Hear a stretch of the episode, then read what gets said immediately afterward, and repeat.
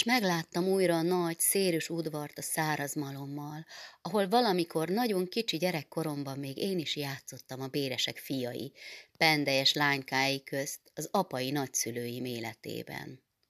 Zavarosan, mint valami álomra emlékeztem mindig az ősi házra, ahonét nevem szerinti véreim elszármaztak de későbbi álmaimban mindig téresebbnek tetszett az udvar, súlyosabbnak, hatalmasabbnak a kőcifrás szürke ház csúcsos erezetű homlokzata, a reves lépcsők és az ámbitus nagy tömzsi oszlopai. Bizony, mintha minden megkicsinyült, megkopott volna. De mégis ez az, a régi, régi ház, ahol szorongva idegenül settenkedtem át a szobákon, és kicsi kezemet magasra nyújtottam a nagy cifra kovácsolt vas ajtókilincsek után. Emlékszem az igen-igen tágas ebédlőre, aminek a pádimentumát nyolc asszony súrolt a hamuval hófehérre, és nátszecskát szórtak rá vizesen, hogy fel ne járódjék, és csak harnap-nap szárazon seperték össze és tudtam, hogy meg fogom találni azt a kiugró ablakú kerti szobát, ahol Portelki nagyanyám, a szelíd nagyasszony kerekes rokája állt. Régi, régi itt minden, tán több száz esztendős, az idők bizonytalan messzeségében itt regnált, ellenszegült, nyakaskodott ez a kemény kis úri nemzetség. Mondják, sohasem mentek oda, ahol rangot, elgazdátlanodott földeket, idegenes csínt és magas összeköttetéseket osztogatott a régi versengő királyok, új udvart ülő fejedelmek csalogató kegye. Itthon maradtak, körülbástyázottan, vadvizek, zsombékos erek, náderdők gyűrűjétől a lápvizeke dús, kicsiny félszigetén, ami örökük volt. Kis királyok voltak, és féltették úr voltuk e szuverén érzését. Ezért váltak sokszor különc, vagy zárkózott, mérhetetlen és lobbanó-gőgű figurákká, akiknek furcsa dolgairól legendák szálltak ott beljebb a megyében. Volt egy régi szaniszló, a gutkeledek és balogsemjének osztályosa, aki valamilyen asszonyért levágatta a kis ujját, hogy gyűrűstől vethesse elébe, mert egyszer megfogadta volt neki, hogy ott lesz a gyűrű örökre az ujján. Egy másik bolond magánosan élt itt, és egész életében sose váltott szót parasztal, csak a kutya korbácsot suhogtatta köztük. De a nagy kolera világban minden haldoklónak maga fogta le a szemét. Minden portálki fuzsitos. Ez közmondásképp járt a messzi földön. 48 után egy távolabbi, tyukodra átszármazott ág báróságot kapott. Jól meggazdagodott, de a valódi lápi portelki rebellis nemezetes urai még sokáig erőlködtek, hogy megtagadják, lenézzék, semmibe vegyék az elpártolt, áruló rokonhadat. De a világ tovább folyt, feledett, a rang és több vagyon pedig megtette a magáét. Lá Melani bárónő főispánné lett. Az itt maradtak közt pedig lassan osztott, osztályozott az ősi drága, jó gazdag föld. Testvéreket kellett kielégíteni, lányokat férhez adni. Már zsidó kézen is volt egy szép telek a Gencsi oldalon. Az én apám volt az első, aki elszakadt hazúról. Patakra ment jogásznak, és ügyvédségbe fogott. Bizony, hallottam suttogni itt-ott, hogy nem igen ismert irgalmat nyúzta, akit lehetett. Holmi boldogtalan asszonynépnek, tán kofák egyszer letérdepeltek a porba a piacon a kocsia előtt, és úgy átkozták meg, égnek emelt öklüket rázva még a maradékát is. Istenem, ez így volt. A hármunk is jussát meg az anyámét pár esztendő alatt szedte jóformán össze. Akkor érte utol az italmániája. Tán csak éjszakai ébrenléthez, munkához erősítette magát a szesszel eleinte. Rákapott. Nem bírta. Esztendőre vége volt. Ábris bátyja meg ez alatt elvett igen messze földről valami gazdag és csúnya lókupec lányt, Azzal visszaváltották, összevásároltak, rendbe hoztak itt mindent. De senki sem látott a kártyájába egészen. Előzvegyült rég, az egyetlen leánya Pest megyében volt férnél. Ő meg az utolsó esztendőkben már zsombék fette, víz alatti földeket is vásárolt bolondolcsón. Véhuncut az, mondogatták kézbe kapva az emberek mikor egy időben sűrűn kezdett bejárni a megyebizottságba, és a szegény uramat hirtelen pálfordulással kedves öcsémezte, látogatta az alispán jelöltsége idején. Most mondják, Melánival atya fiskodik nagyon, és lám, a nyáron már vízimérnököket szállásolt hozzá a vármegye, és kiépült a szekérút cinyér felé, az eltisztított mély réteken át. Harmat fél órát mentem mindössze kocsin. Szinte hihetetlen volt ez. Piciny koromban emlékeztem, hajnaltól délutánig rázkódtunk, és kétszer kellett átkelni kompon. Akkor még megkerült az egész szamos közt, aki portelekre igyekezett. Ábris bácsi az ámbituson csibukolt, amikor megérkeztem. Egy szolgáló alutejet hozott fel nagy cserépbögrékben, mázas tányérokat és fakanalakat. Van itt ezüst is néhány pár, majd előkeresheted. Bár Júlia jóformán minden hordta már, ami az anyjáé volt. Én meg nem igen vásárolok, tudod, azelőtt tíz esztendeig is alig húztam ki a lábam innét. Most volt itt egy kis süvítés, igaz, míg a fődigazgatást kijártam. Itt kezdik legelébb a grófi uradalomnál, meg a kendiékkel egyszerre. Na, azért nem csődítem ide az egész sisere hagyját. Majd előszeded, majd meglátod, mi hol van. Nekem bizony így esik jól az aludt tej. Csuháj, hugám, az mind a te motyód. Láda, kettő-három kosár, mi az Isten nyila van abba mindbe? Csupa krinolin?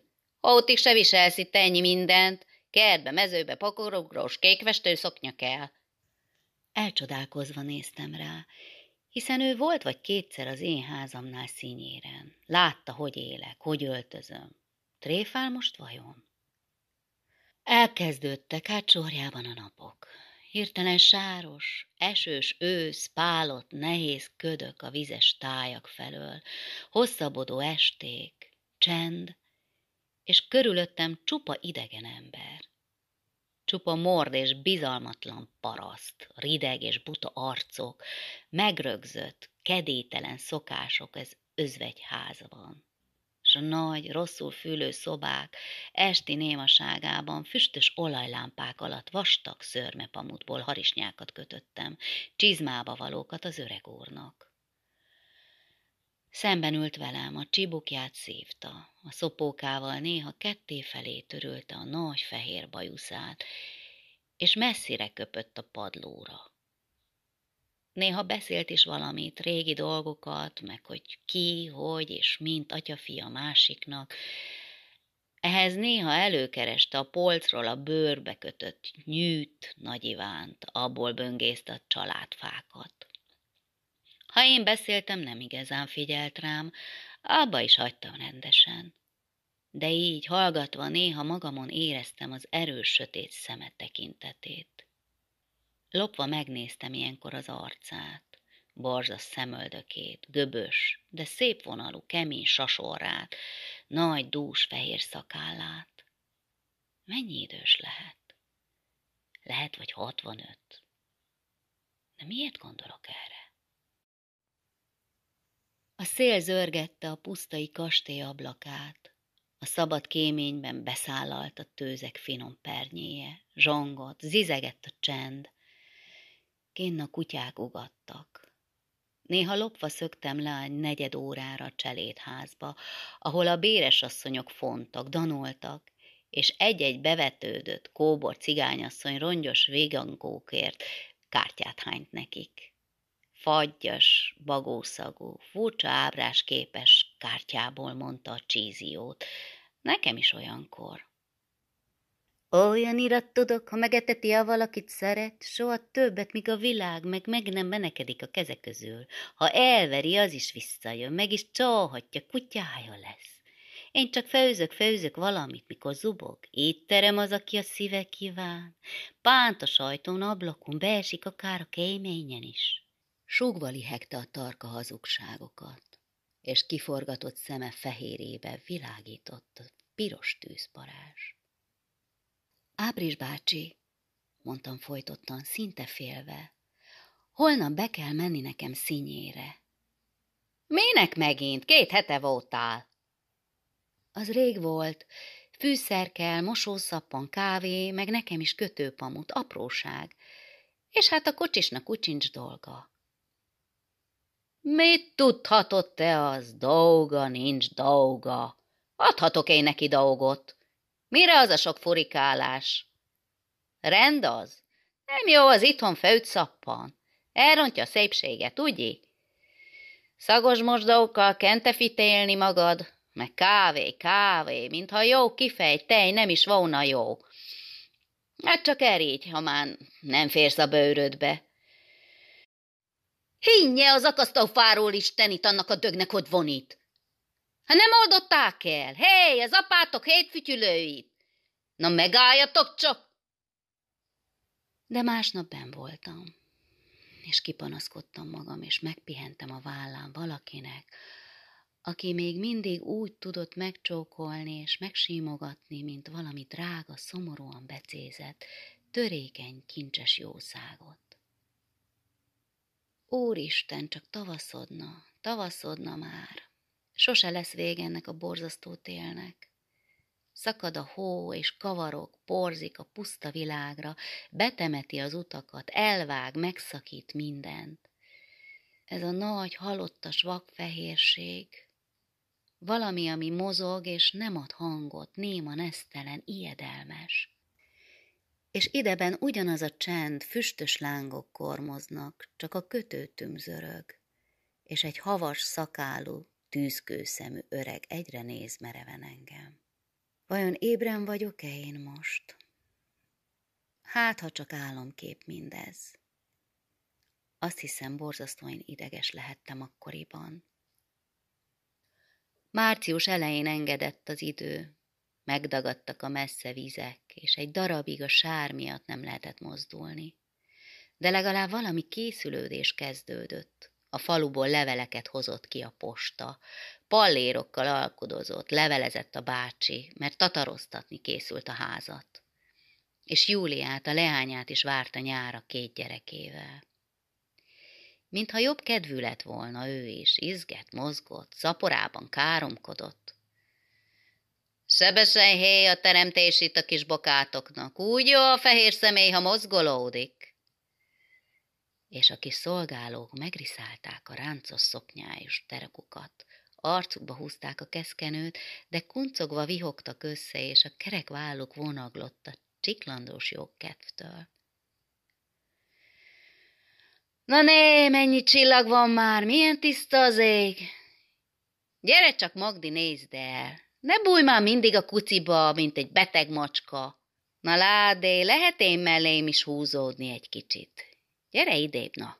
Lelkem, gyere, na. Be jó kis. Fúj, utálatos, undok vén, rögtön kiáltok. Ne bolondulj, hisz csak. Pusztuljon alávaló eresszen. Nem szégyeli magát. Jaj, de kényes a galambom. Na jó, hogy mégis tudom, hogy nem mindenkivel vagy ilyen rátartós menyecske. Undorodva, reszketve, nyomorultul ültem a szobában, és sírtam. Mi lesz már most? Mit fog szólni reggel? Ez borzasztó. Én nem tudtam, hogy az ilyenkorú férfiak is.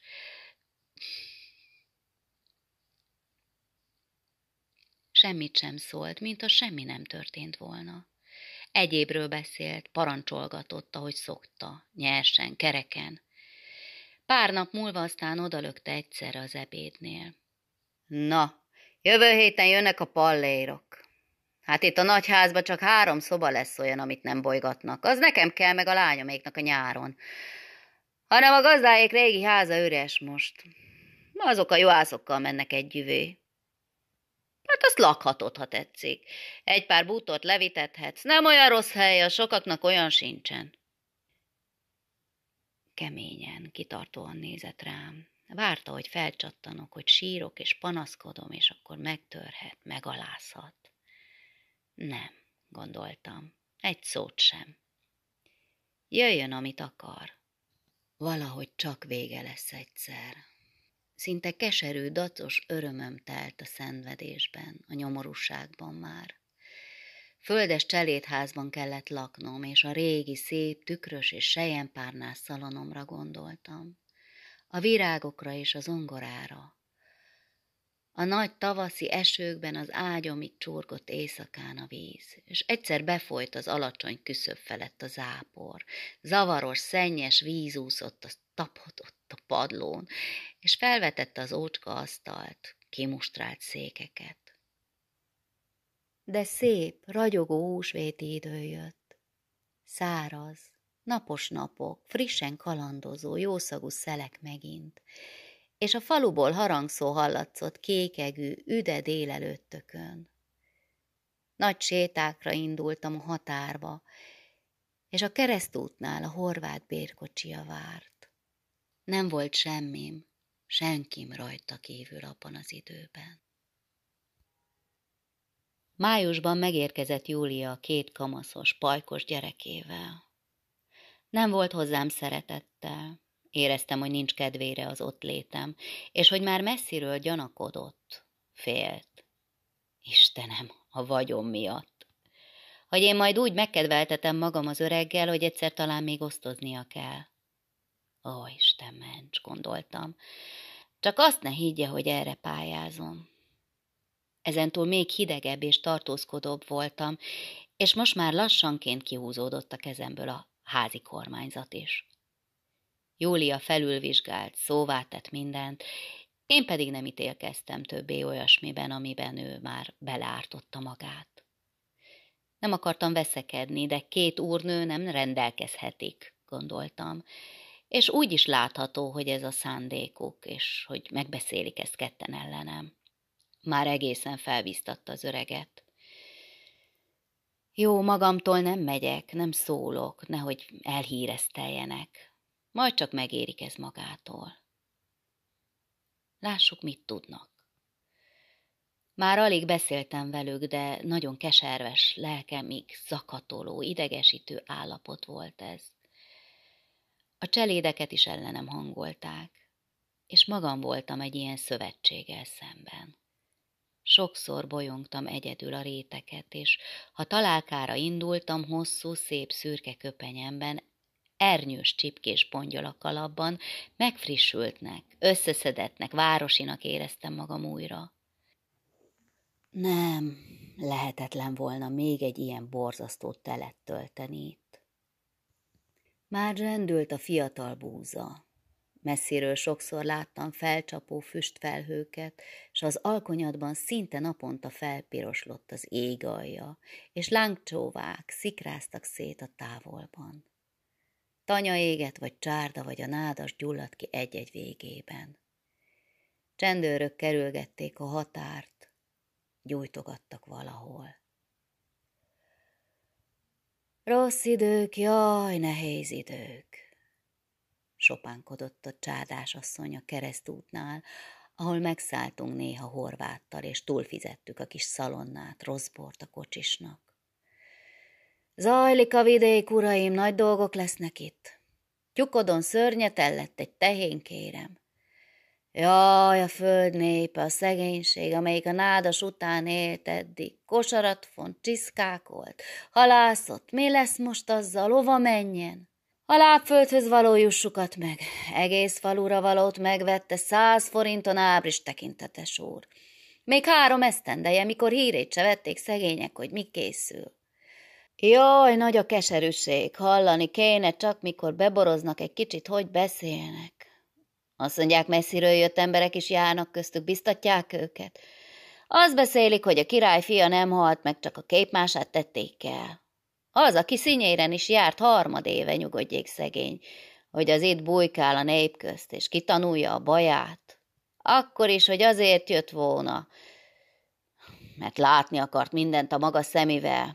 De az urak kimeszeltették a házat külső falát neki, és felöltöztették a népet, hogy kedvét lelje. Bizony csak meghót az, kérem, mesebeszéd az ilyen, hanem ha ezek a népek megbolondulnak Vasvélára kapnak, mi lesz itt? Ki tudja, mire épül a portelki kastély is. Bár a megyei urakra még jobban haragszanak.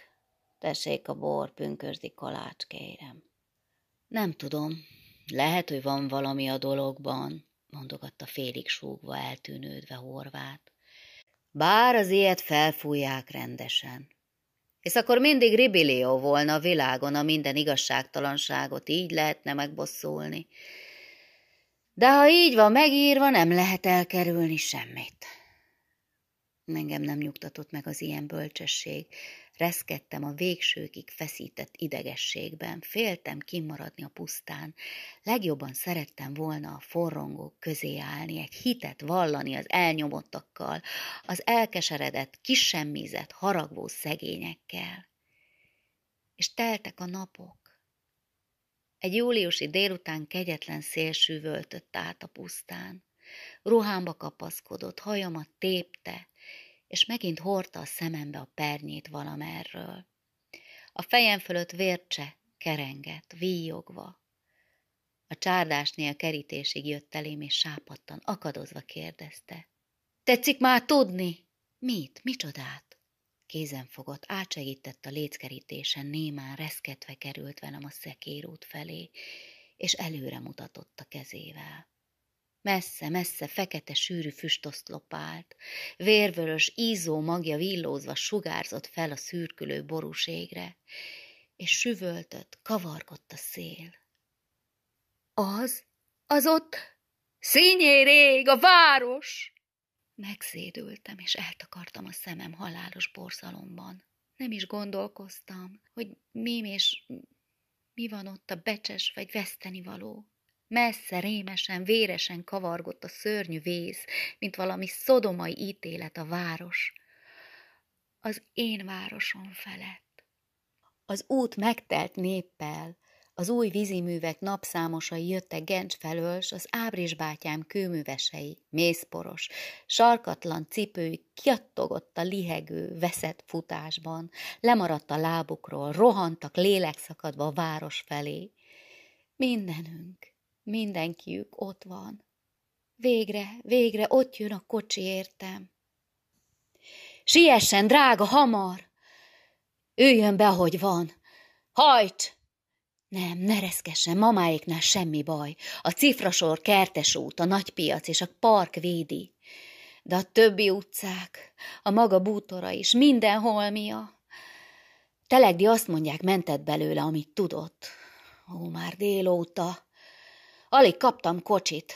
Ez a rettentő szél. Némelyek látták, hogy a bolond báró kannát fogott és öntözött, mikor mindenki elvesztette a fejét. Tűzöltók jönnek este a debreceni vonattal. Mi lesz addig színyérből? Hogy terjed? Ne, ne sírjon, édesem, tegye ide a fejét. Szorosan simultunk össze. Éreztünk valami igen nagy, rettenetes és rohamos dolognak a történését magunk előtt, és izgatottságtól, kábultan, fél öntudattal különös erősen éreztük egymást. Átkarolt, és az ujjai forrón reszkedtek a fekete csipkefátyol ruhámon át, de szinte mozdulatlanul maradtunk így egész idő alatt füstel, sűrű folytó és rémületes bűzével az eleven, égő dolgoknak, fekete pernyék kavargásával a pokoli szélben. Így jött gyorsan az alkonyborulat. A lovak horkanva és ijedezve alig fékezhetően rángatták a kocsit. Előttünk ízva felfelvillanó, borzasztóan mozgalmas, őrületes, lihegő, vérszínű áradat, zsarátnok utcák, lángtornyok, lobogó, üstökük, tűzkígyók. Mint a láva folyt és vonaglott az egész, és lobot vetett, villámlott körül az égbolt fele és boldult, lárma, távoli összemosódó üvöltözés, zuhanások robaja messze. Körül lihegő, lelkendező alakok rohantak, lélegzett fogyott, kétségbe esett futásban, felsebesedett mesztelen lábakkal is, jajongva, néhányan megfogták a kocsi oldalát, vagy felkapaszkodtak hátul egy pillanatra, de mások letaszították őket, elmaradoztak, és az öklüket rázták csak utánunk. A szőlőskertek közt voltunk már, magas fagyalbokrok sövénye egy ideig elzárta előlünk a szörnyű képet, csak a vérszínű ég villámlott, és a zajongás jött közelebb. Csak lépésben mehettünk, mert tolongva jöttek már menekülő csapatok. Asszony, férfi, gyerek. Jaj, vége már, nincs többet a város! kiáltozták felénk csodálatosan élénk kézmozdulatokkal, mint valami nagy újságot. A bőrve jutsz, a szabad még? kérdezte a kocsis visszafordulva. De nem mert megállni a tolongásban. Jaj, már átcsapott! Az csizmadia színen ég nem lehet arra! A Kálmándi kapu felől mehet a piacnak, a nagy piacon nincs baj! A temető mellett robogtunk. A tűz világossága olvadást és mozdulatlanul, szinte nyugodtan feküdt el a sírkövek fehér márványain a néma mezőn.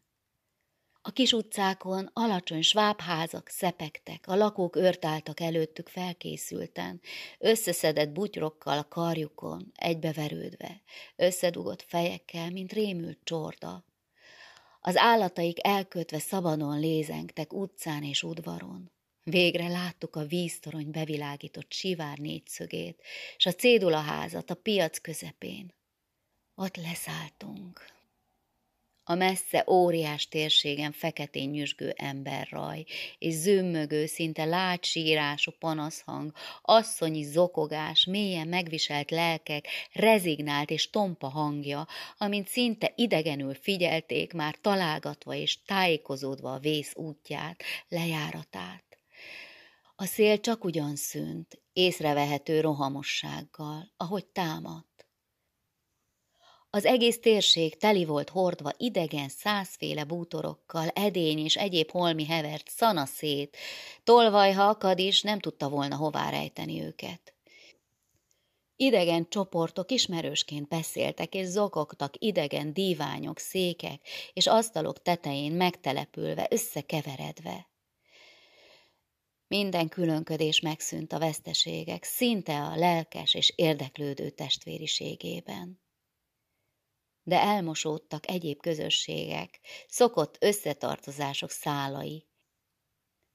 Emlékszem, hogy jó ideig bolyongtunk már, és a haladó csapatok árja előre-hátra hajtott. És még nem jutottunk el az anyámék lakta házig. A cifrasor kiskertes, formás udvarai csak ugyan védettek voltak és sötétek és szemben a grófi park fekete lombsűrűje sötét tömegben rajzolta ki a fák kemény árnyékát a rózsaszínelő ég hátterébe.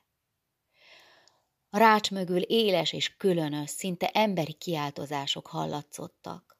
A felébresztett pávák rikoltoztak rémülten ott, és valami el nem felejthető, vérfagyasztó volt a hangokban. Hol kezdődött, jó emberek, mit tudnak, mi égett le? Ja, Istenem, hát most jöttek. Minden, majd szín, tehát látja.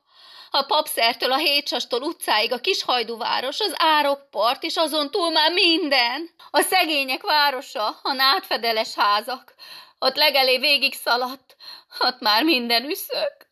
A gazdák fertája is, a mesterrész is, a kisvíz utcáig, a szegény végig, cigány végig, minden. Még ebéd után. Emberhalál! Jaj, ki tudhatja azt most? A népek kisereglettek a mezőre, a faluk felé.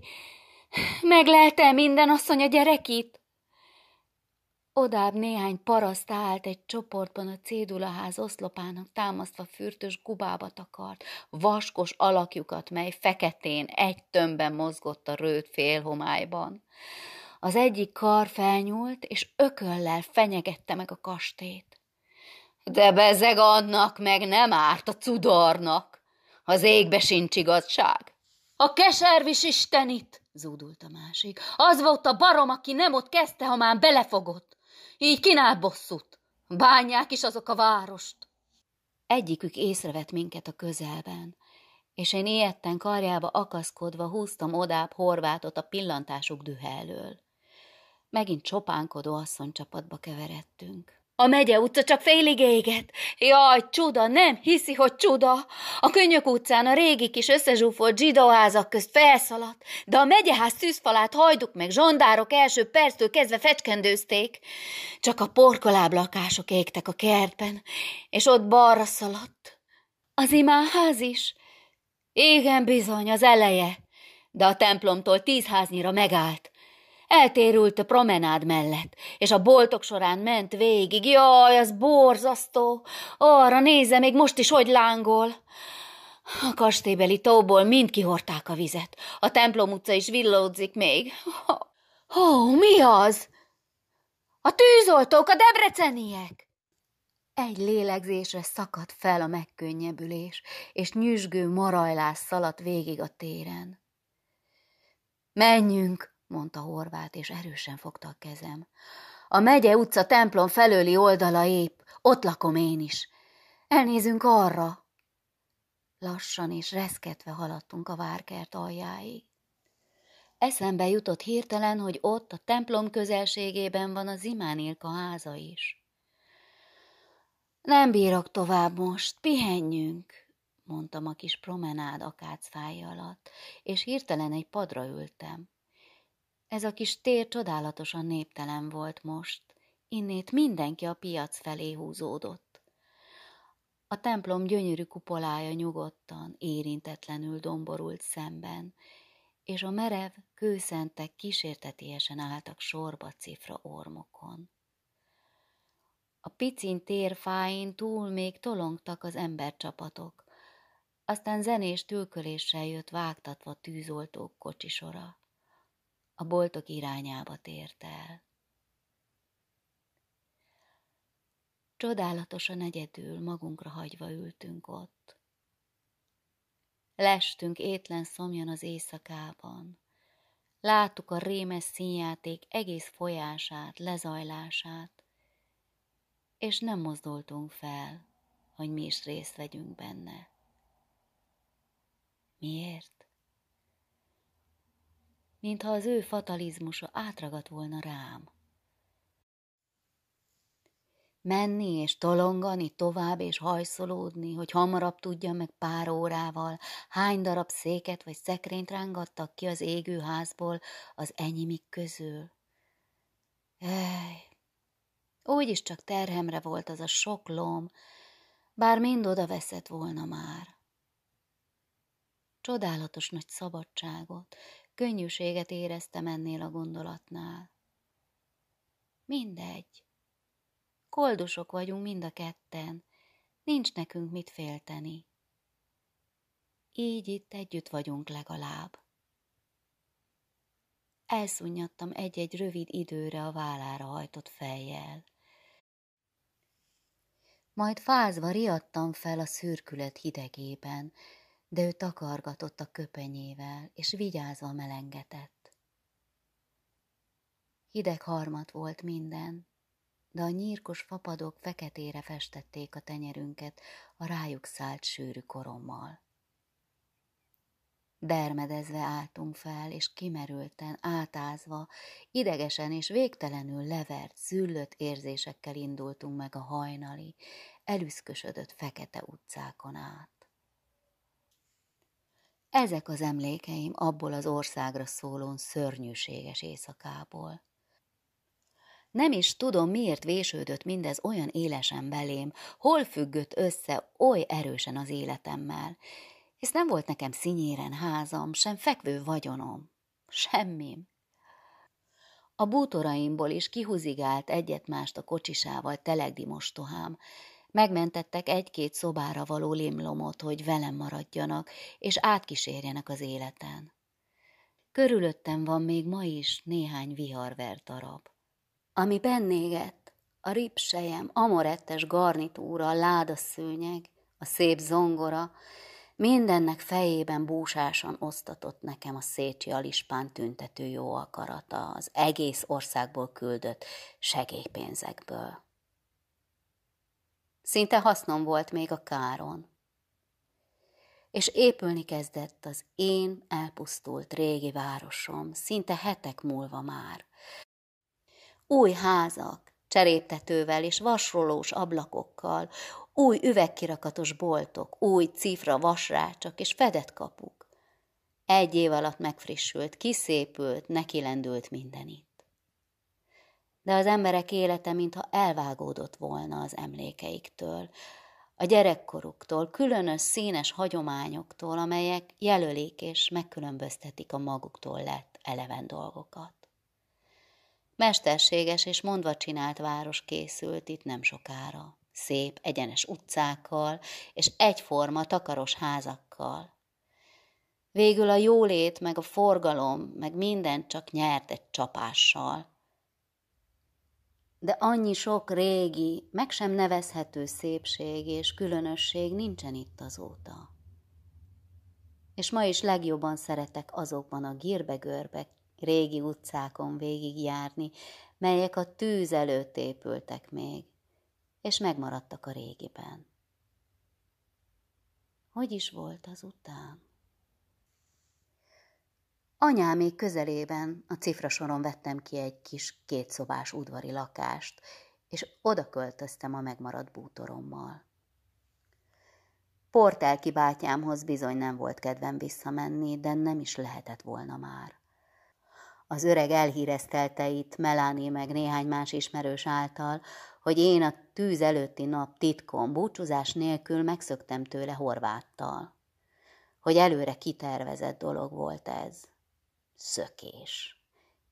Igen, így kell csak nevezni az eltávozást, és különösen érdekes, veszedelmes, foglalkoztató és romantikus szint kap az emberek ítéletében a dolog. A megindult szóbeszéde zavaros hetekben is ráért lezuhogni szegény fejemre. Mit szóljak? éleskedett anyám.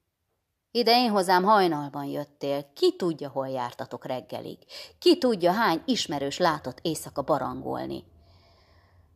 Nem is szólhatok a beszédek ellen. Oltalmazzon meg ő már most, ha olyan nagy a lovagod.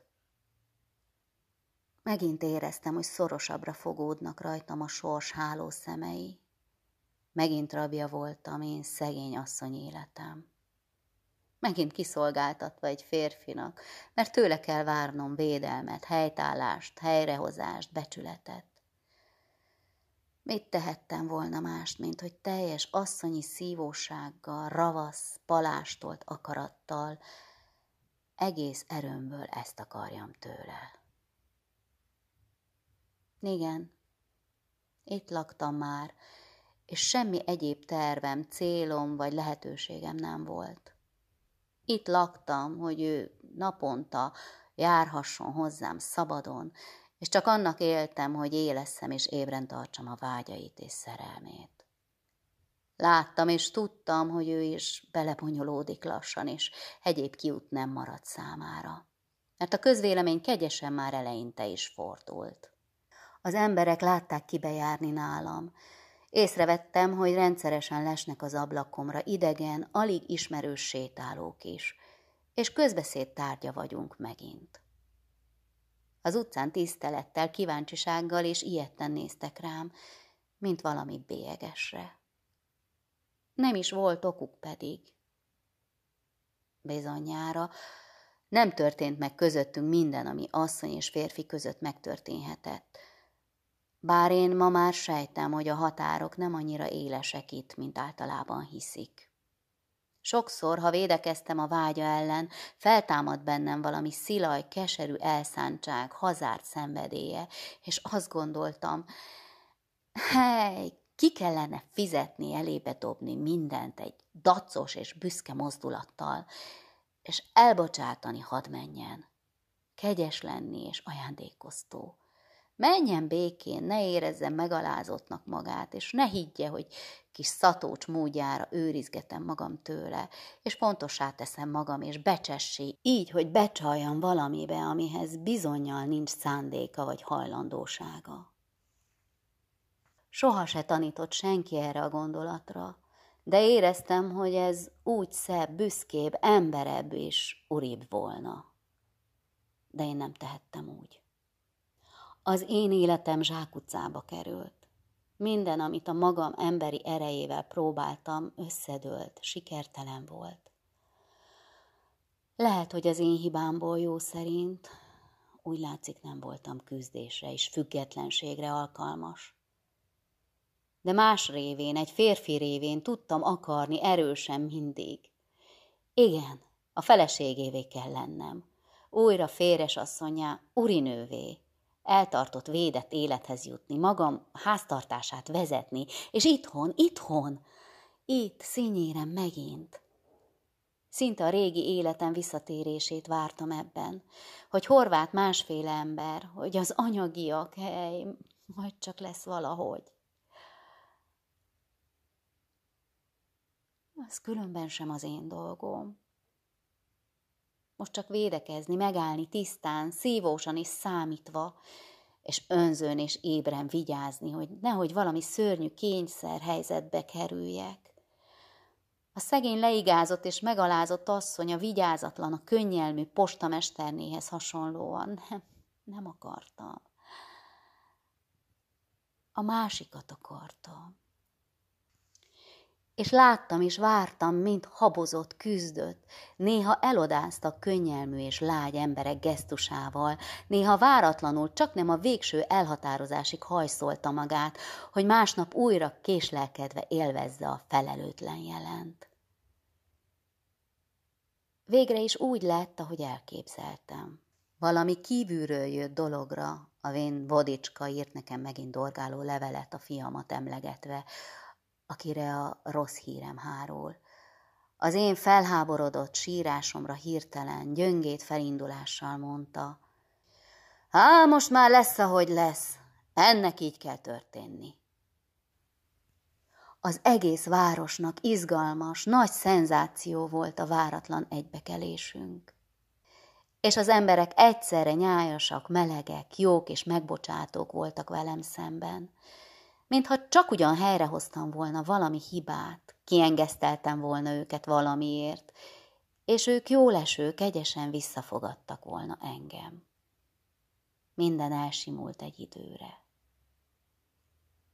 Furcsa egy cirkusz ez a világ.